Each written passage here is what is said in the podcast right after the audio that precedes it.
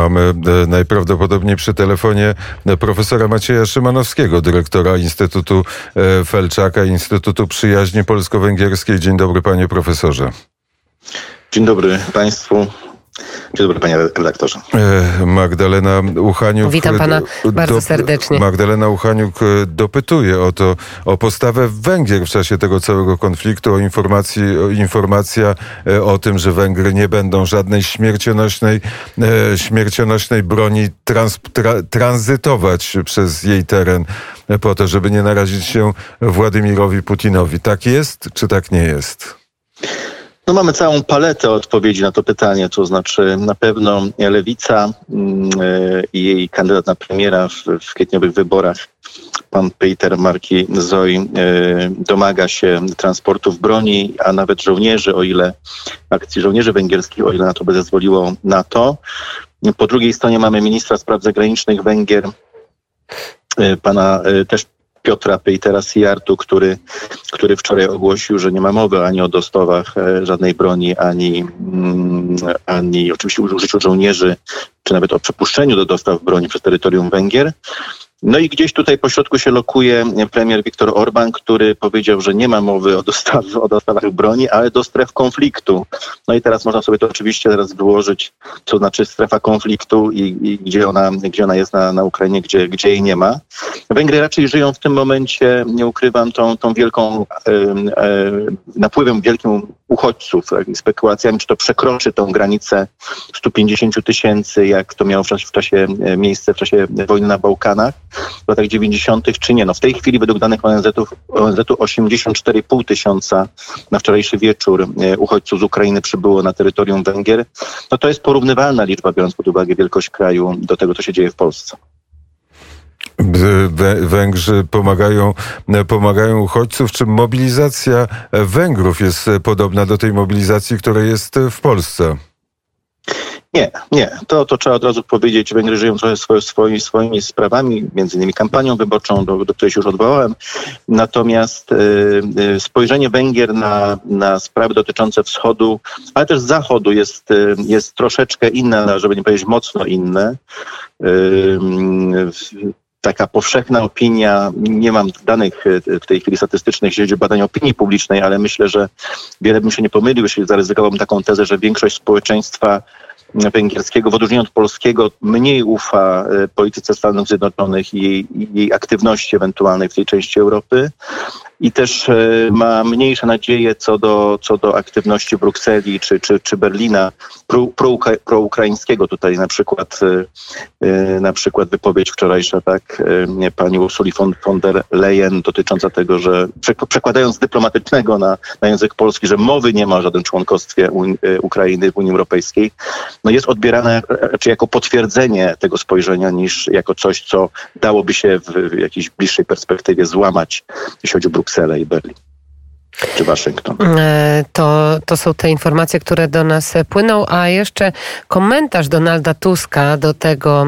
co dzieje się na Węgrzech, jak Węgry reagują na ten konflikt pomiędzy e, Rosją a Ukrainą, o tym e, ataku po prostu Rosji na Ukrainę. Tusk powiedział, że miejsca w Radzie Gazpromu dla Orbana i Szyjarto byłyby adekwatną nagrodą za ich lojalność. Czy postawa węgierskiego rządu przez opinię publiczną i to, w jaki sposób ustosunkowują się oni do mm, tego, co się dzieje na Ukrainie, jest e, popierana. Węgrzy rozumieją taką narrację?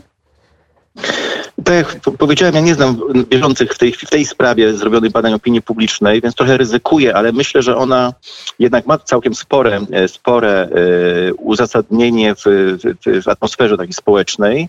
Po drugie też musimy sobie uświadomić, że na przykład ewentualne wejście wojsk węgierskich czy transporty broni musiałyby się odbywać dokładnie przez te, te same terytoria, to są zaszłości, zaszłości tak zwane historyczne, przez dokładnie te same terytoria, przez które wkraczała na teren Ukrainy armia węgierska w 1939 roku to nie wiem, czy byłoby takie najszczęśliwsze, jakby to było zresztą odbierane przez, przez samych Ukraińców. W przypadku dalszej eskalacji, e, eskalacji oczywiście konfliktu, bo o, o tym mówimy o tym w kontekście. Natomiast jeśli chodzi o samego pana premiera Donalda Tuska, no on nie jest nie tylko w Polsce znany z tego, że no, zdarza mu się dosyć brutalnie mijać z rzeczywistością i, i, i oszukiwać, zwłaszcza na, na, na, Twitterze. Jest autorem wielu no, kłamstw, trzeba tak powiedzieć wprost, jeśli chodzi o Węgry. Na przykład, że, że parlament węgierski w czasie pandemii został zawieszony i, i, i rząd, rząd węgierski rządzi dekretami, co było podstawą do wydalenia Fidesu z, frak z frakcji ludowej w Euro Parlamencie Europejskim. Za to pan Donald Tusk mocno otrzymał mocno, mocne słowa krytyki również od swoich byłych przyjaciół, włącznie z Wiktorem Orbanem, z którym grywał w piłkę.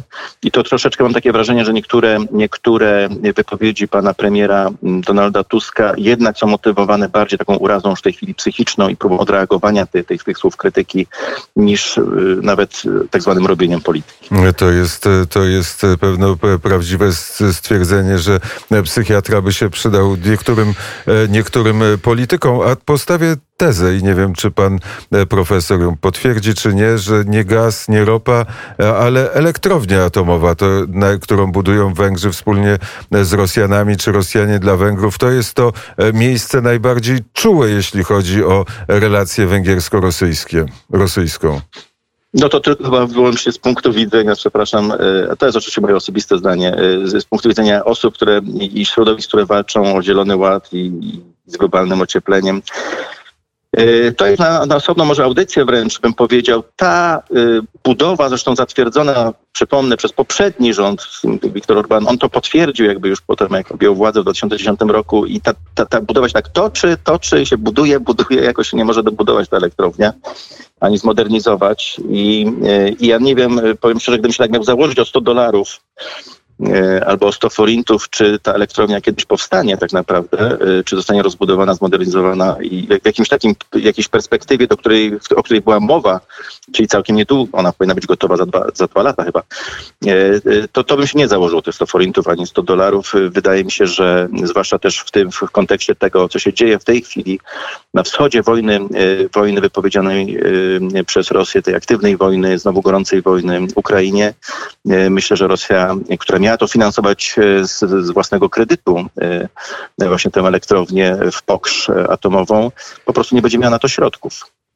W wojnie niewypowiedzianej, panie profesorze. Wojnie niewypowiedzianej, ale niestety tak się już e, przyjęło, przynajmniej od Adolfa Hitlera w naszej części Europy, że się nie wypowiada wojen, po co się atakuje.